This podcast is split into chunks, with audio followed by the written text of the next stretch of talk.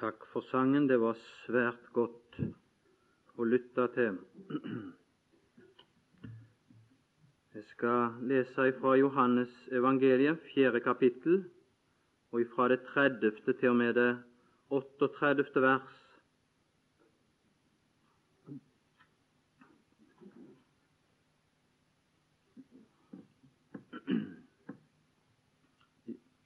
Johannes 4 ifra det 30. til og med 38. vers. De gikk ut av byen og var på veien til ham.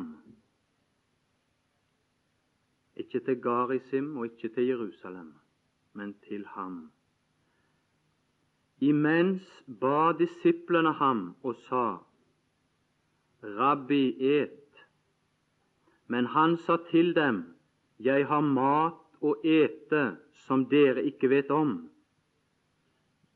Disiplene sa da til hverandre, Skulle noen ha båret mat til ham? Jesus sier til dem, Min mat er å gjøre Hans vilje som har sendt meg, og å fullføre Hans gjerning. Sier ikke dere at det ennå er fire måneder, så kommer høsten? Se, jeg sier dere, løft eders øyne og se markene, de er alt hvite til høsten. Den som høster, får lønn og samler frukt til evig liv, for at både den som sår og den som høster, kan glede seg sammen. For her er det et sant ord, at en sår og en annen høster. Jeg har utsendt dere for å høste det som ikke dere har arbeidet med. Andre har arbeidet, og dere er kommet inn i deres arbeid. Dette er den siste av timene jeg skal få lov å stå her og jeg vil bare si noe i tilknytning til det. Jeg tenker på en formaning i første Tessalonikerbrev, det femte kapittel. Der eh, sier Paulus ringakt ikke profetisk tale.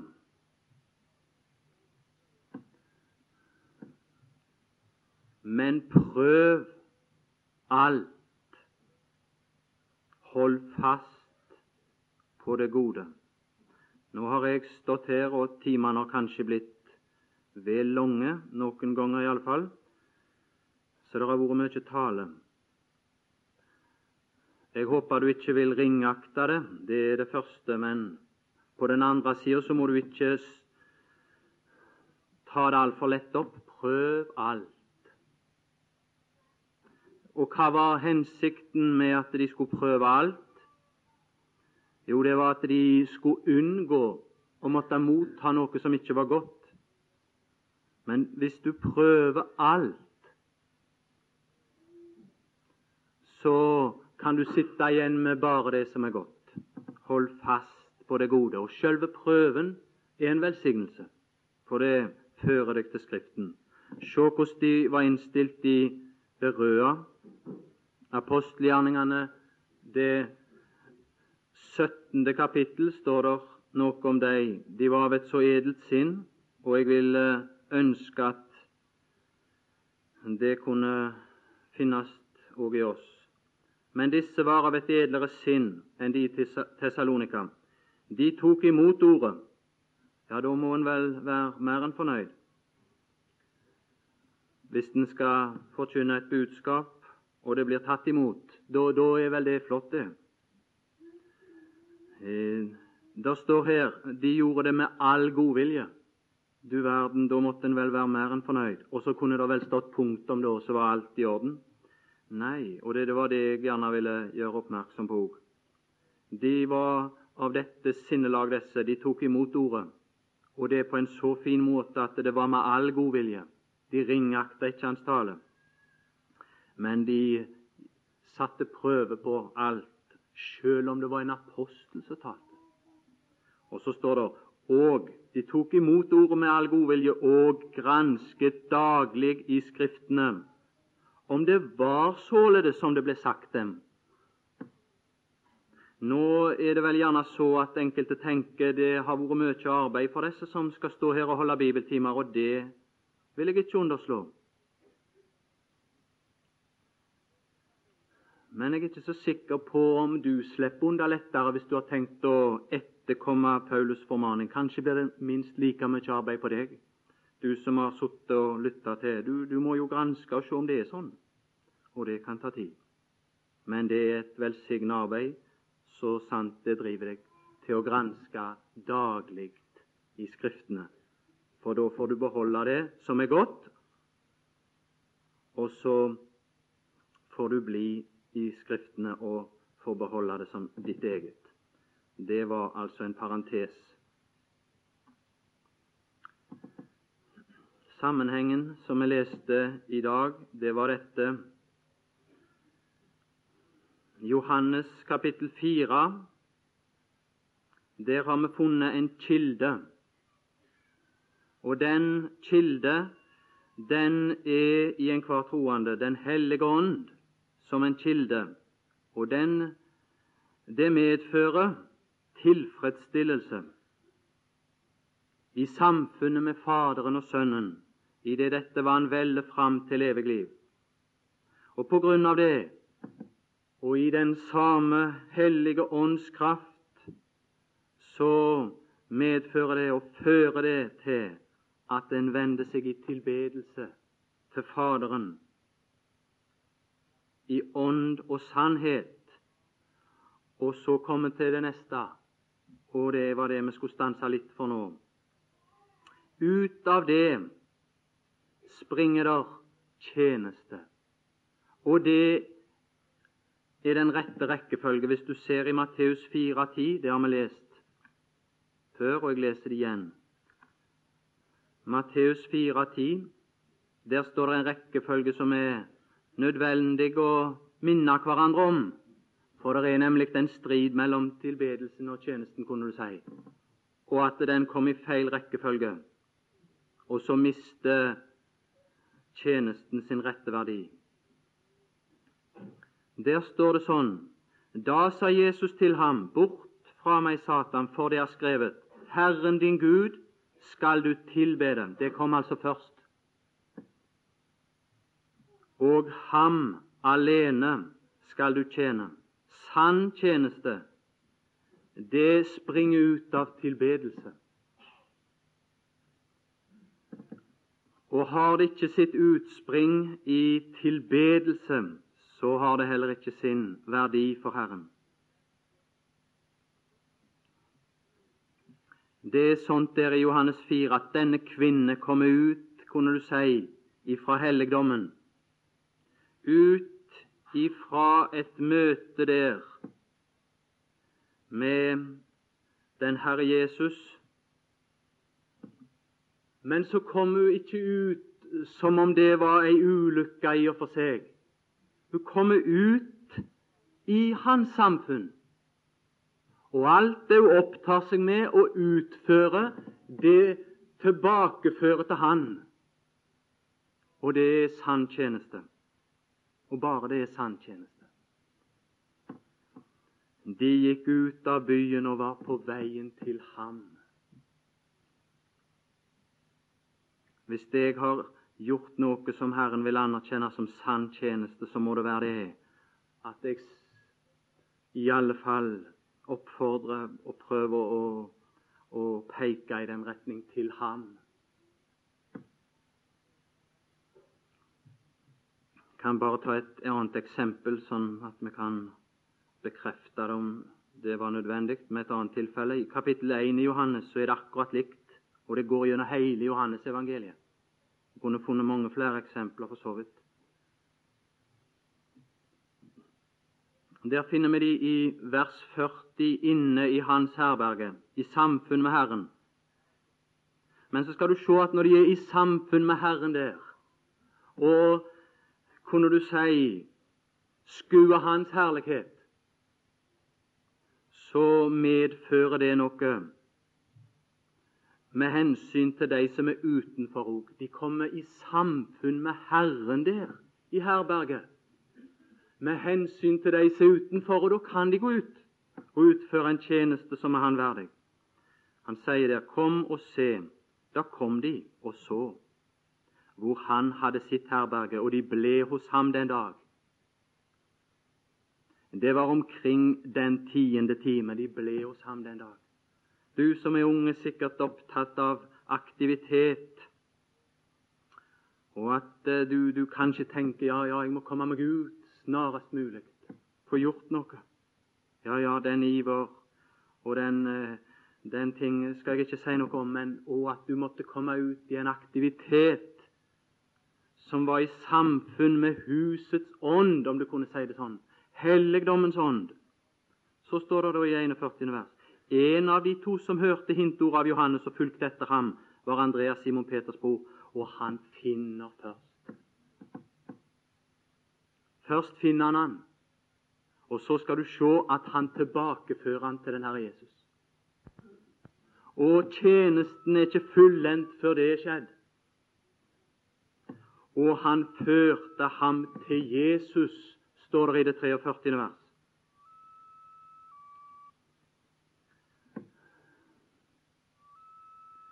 Hvis vi tenker på Faderhuset sånn som det nå er, så kan vi ta et gløtt inn i Lukas 15 og vi vil se der at det var en sånn en søkende holdning, en sånn oppsøkende holdning der i Faderhuset. En leitende og med flid for de det skulle finnes og tilbakeføres til Faderhuset, som var tapt, som var mista, som var betrakta som et tap hos Faderen.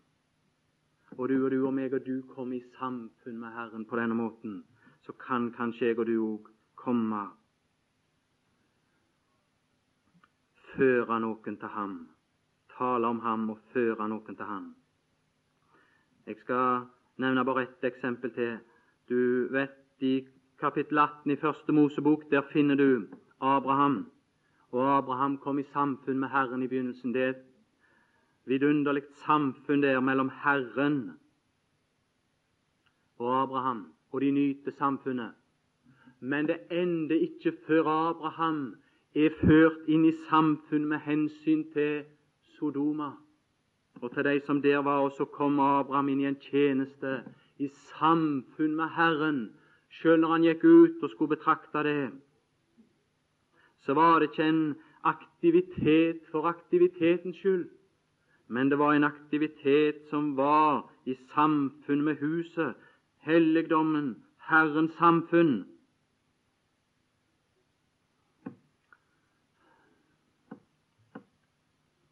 Vi ser her at eh, byen er i bevegelse ut mot den Herre Jesus. Den Herre Jesus hadde sagt gå, gå av sted og kall på din mann, og kom så hit. Men denne kvinne hun, hun hadde fått noe av Herren sin, og så var det ikke bare én som kom, men, men hele byen var i bevegelse ut imot den Herre Jesus. Vi ser av et av versene her de, de, begynte å undre seg om noen skulle ha båret mat til henne, til han. Hvem det kunne være. De så henne forlate når de kom. Hun forlot åstedet når de kom. Mon tru hun hadde båret noe til han.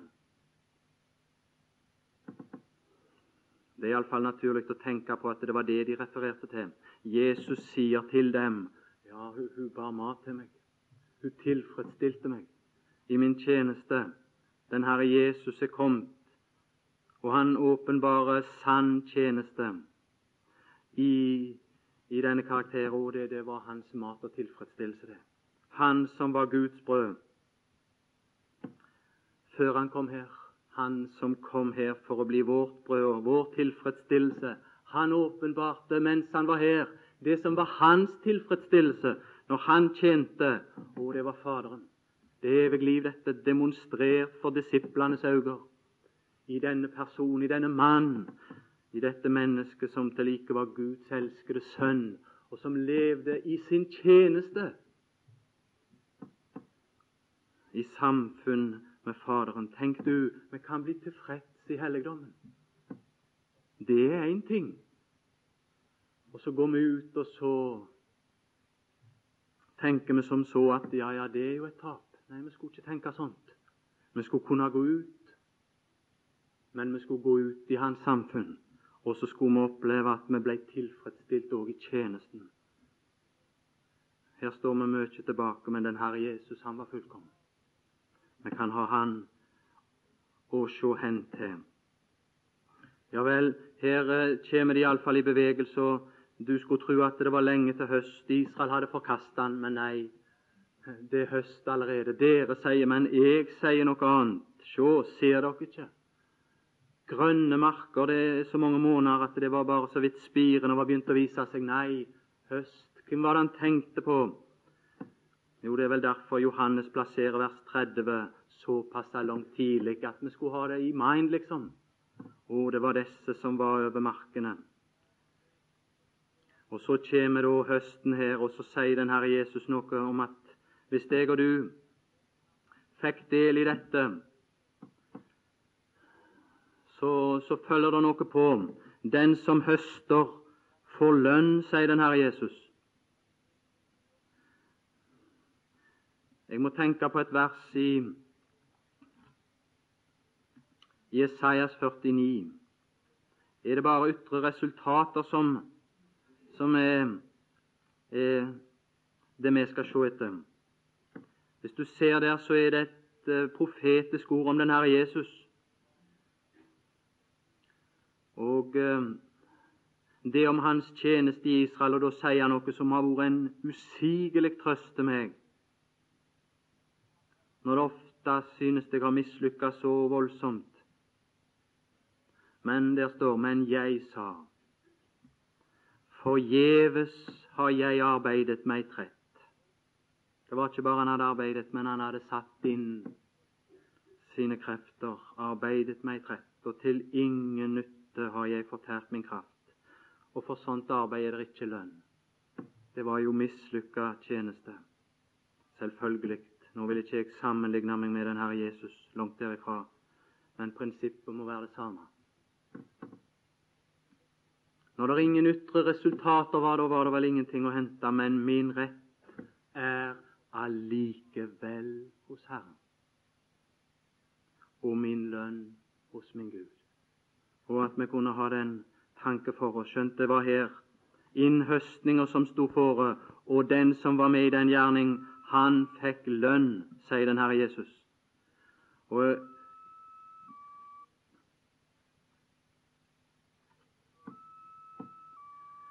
og ikke bare får han lønn. Det står òg samler frukt til evig liv. Det er liksom eh, som man samler inn korn i et sånt kornmagasin. Så er den frukt som samles her, den, den skal samles til evig liv. I Salme 126, i det sjette vers, der, så brukes det et bestemt uttrykk om hvor det skal hen, det som samles av frukt. Det som samles av frukt, står der, det skal, det skal hjem. De går gråtende og bærer den, se de strør ut, de kommer hjem med fryderop og bære sine kornbånd. Det er plassen det skal samles hen til. De skal hjem med sine kornbånd. De skal samle frukten hjem. Og det synes jeg er en vidunderlig tanke.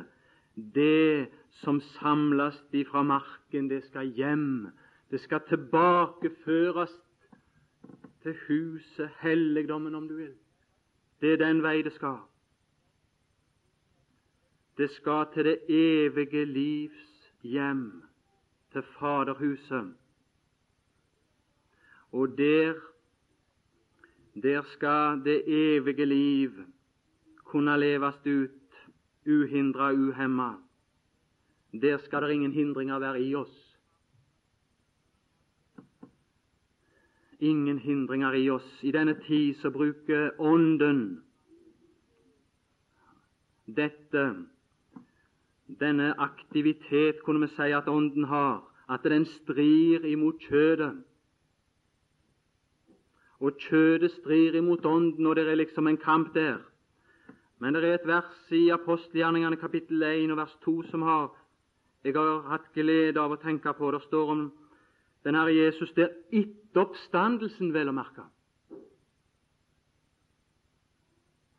Inntil den dag da han ble opptatt etter at han ved Den hellige ånd Ser du det? Den Herre Jesus hadde Den hellige ånd etter sin oppstandelse. Når jeg og du skal til sammen med den frukt vi måtte få lov å være med å høste inn, skal hjem, så skal vi til det evige livs hjem. Vi skal samle frukt til evig liv. Og der skal vi sjøl kunne være, uten at det skal være hindringer i oss for å nyte det. Den hellige ånd skal ikke måtte ha sånne arbeidsområder i vårt liv da. Det skal bare være for å kunne nyte dette liv. Omstendighetene, omgivelsene, skal være passende der. Legemet vårt skal være passende. Det skal være oppslukt av liv, og vi skal gå inn til livet. I håp om evig liv, sier Paulus. Vi har evig liv, men i sin fulle karakter så skal vi gå inn til det, og så skal frykten være med. I det tolvte kapittel av det samme Johannes evangeliet så står dette som John var inne på i sin time, og jeg bare lese derfor siste del bærer det med egen frukt.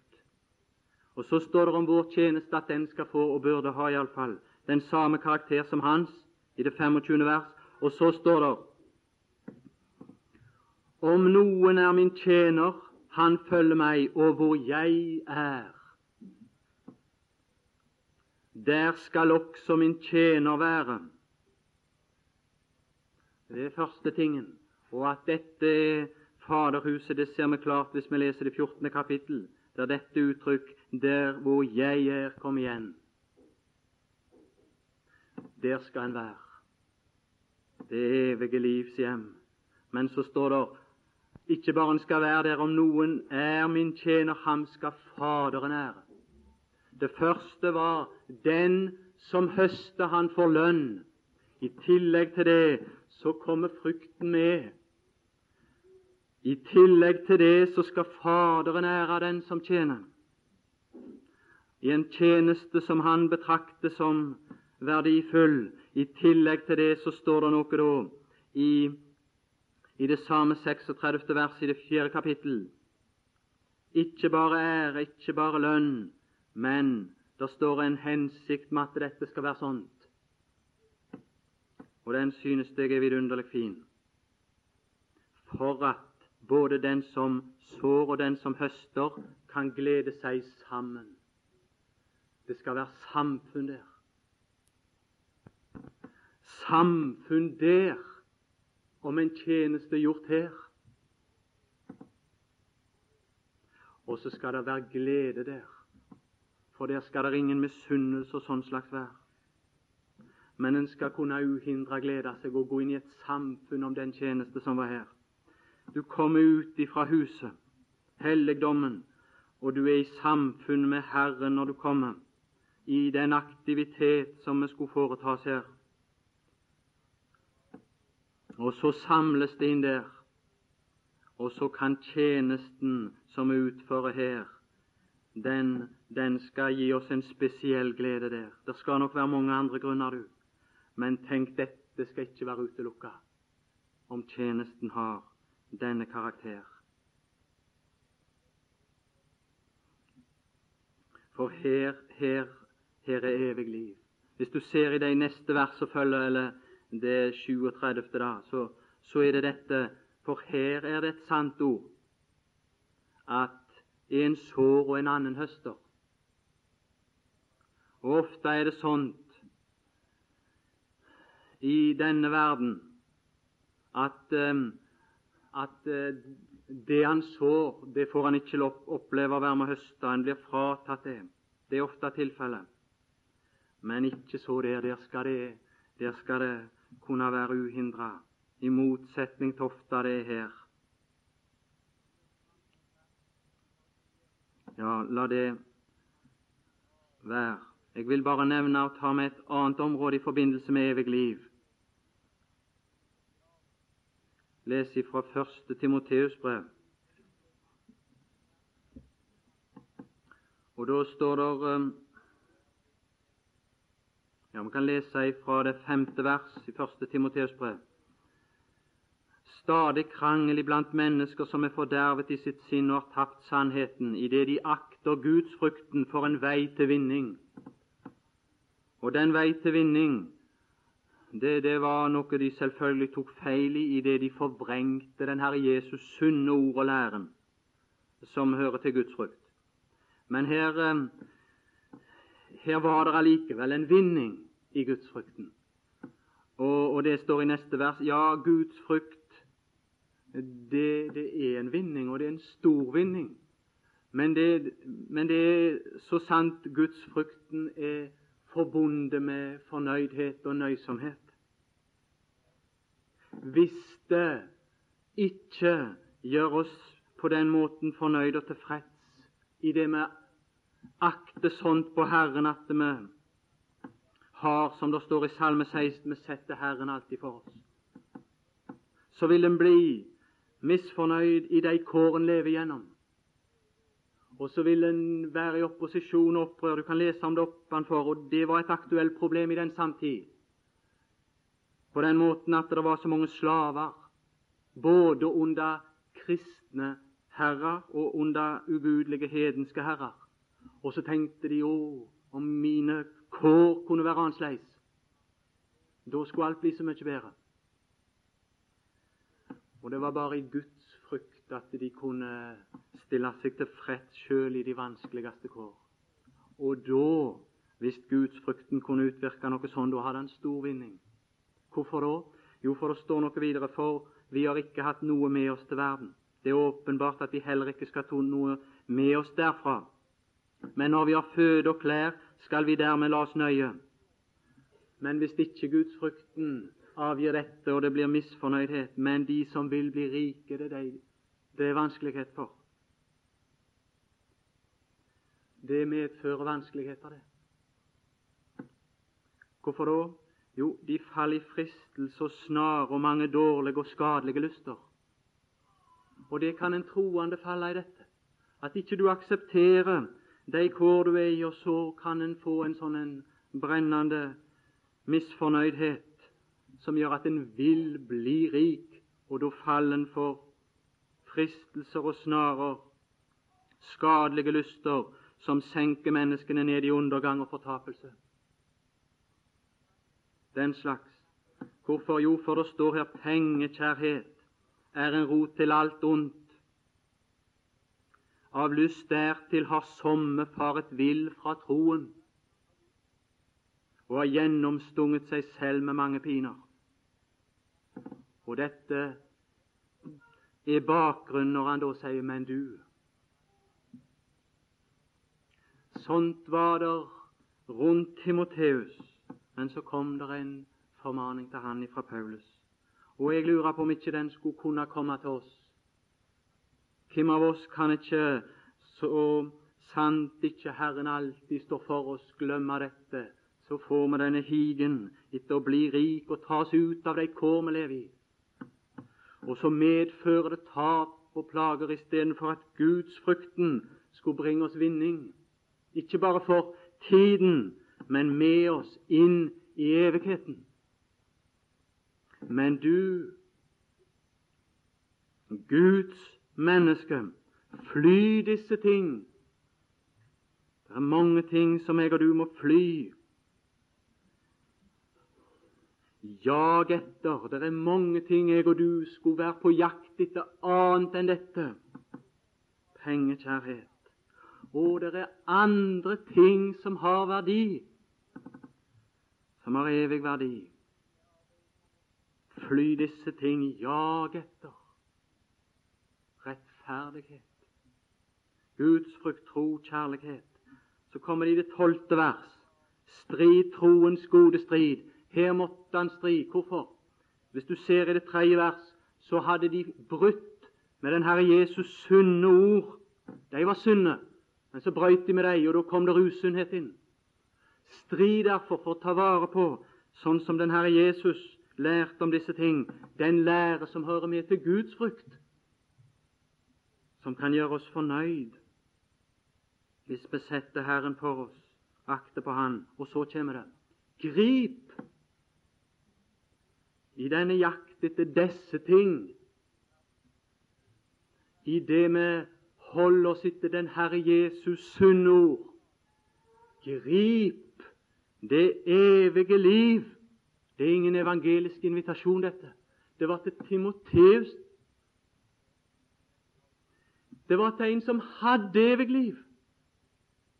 Og Likevel så kom oppfordringen grip det evige liv. Få tak i det evige liv i de omstendigheter du går igjennom. På hvilken måte kan dette finne sted? Hvordan går det an? Vi skal lese litt nedover i kapittelet. Vi hopper gjerne over de 14 til 16. Der stilles vi inn for den Herre Jesu komme og formanes ut ifra det. I, I, det 17. vers, der ser du. Det står By dem som er rike. Her er det ikke de som vil bli rike, men her er det de som er rike. Og det tror jeg er få som kan undre seg her i vår tid. Vi hører til blant dei og kan bydes av Paulus.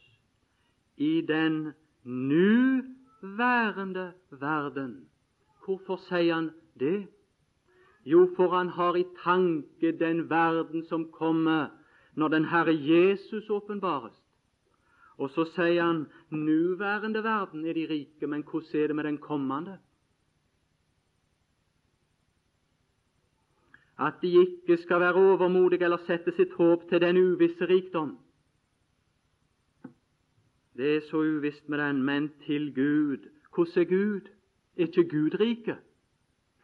Jo, Gud er rike, men Gud er rike på en måte som gir som gir oss, som gir oss rikelig. Som gir oss rikelig alle ting å nyte Sånt til Gud. Og han er ovenfor her omtalt som den salige Gud. Den salige Gud. Han er salig i sin måte å leve på.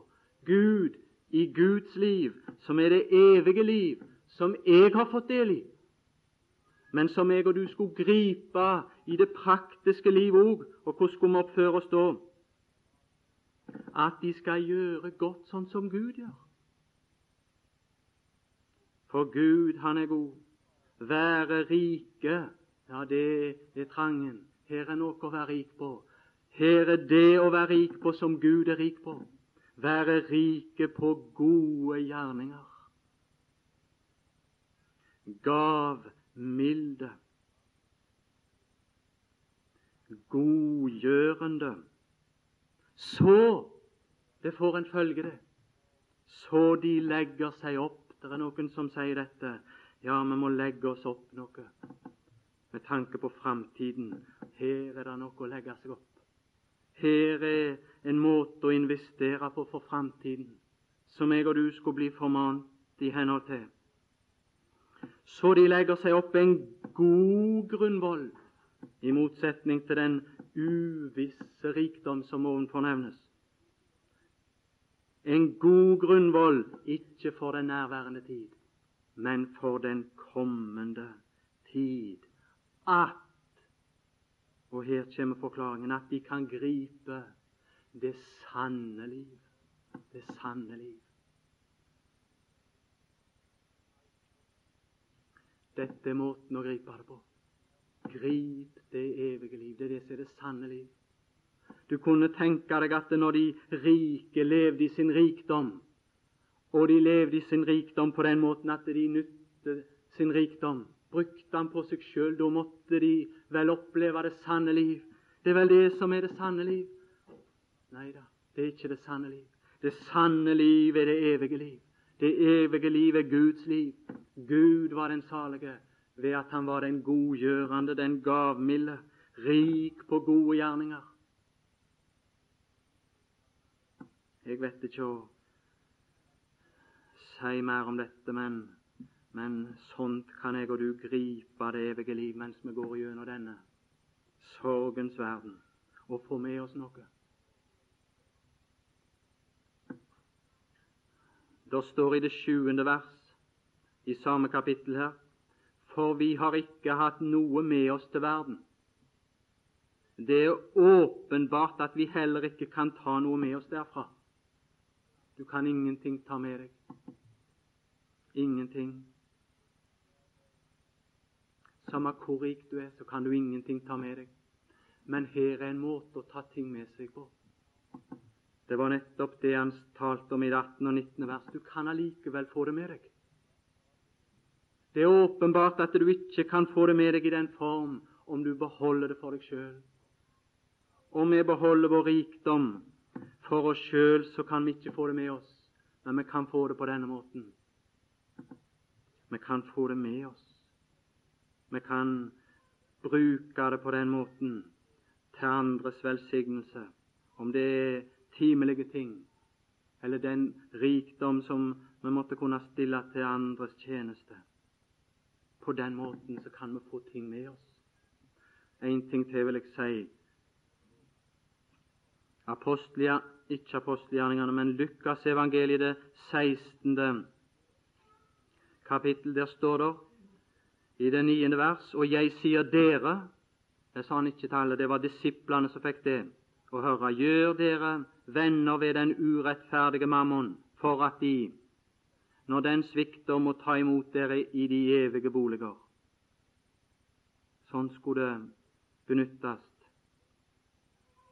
Sånn som i går, for eksempel, og tidligere, i forbindelse med det å vinne noen ved å bruke våre midler på den måten, blant annet. Så står det i det tiende vers den som er tro i smått, og jeg spør meg sjøl og jeg spør dere, vurderer vi alle timelige ting som smått den som er tro i smått, det, det var i den Herre Jesu betraktning, det. Det var smått. Er også tro i stort, de åndelige ting. Og så står det i det ellevte vers Dersom dere da ikke har vært tro i den urettferdige mammon, hvem vil da betro dere de sanne skatter? De sanne skatter hører til det sanne liv, og de skal en få til evig eie. En ting til helt til slutt. I Johannes evangeliet der kommer en merkelig oppfordring av den Herre Jesus.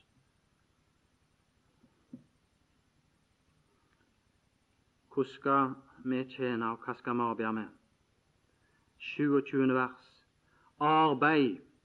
Og der var det noen som hadde kommet til han. Og de hadde kommet til han fordi han gjorde under og tegn, og så fikk de mat på en så enkel måte at de slapp å arbeide. Og det var de glad for. Hardt arbeidende mennesker var dette som måtte slite for livets brød, så de kunne ha det som de trengte for hver dag. Så sier den Herre Jesus arbeid ikke for den mat som forgår Med det tror jeg han mente selvfølgelig de måtte streve videre, og det må jeg og du i vår daglige gjerning, med å arbeide så vi kan livberge de som er våre. Vi må nok det, men i forhold til det så skulle vi arbeide så mye mer med, med, med disse ting. Sånn at det sto i det forhold at det var det andre som var det viktigste. Arbeid ikke for den mat som forgår, men for den mat som varer ved til evig liv. Sånt er det her at eh, maten, den forbruker vi bare. Og så, og så er det en forskjell her at vi kan få med oss sjøl det vi eter.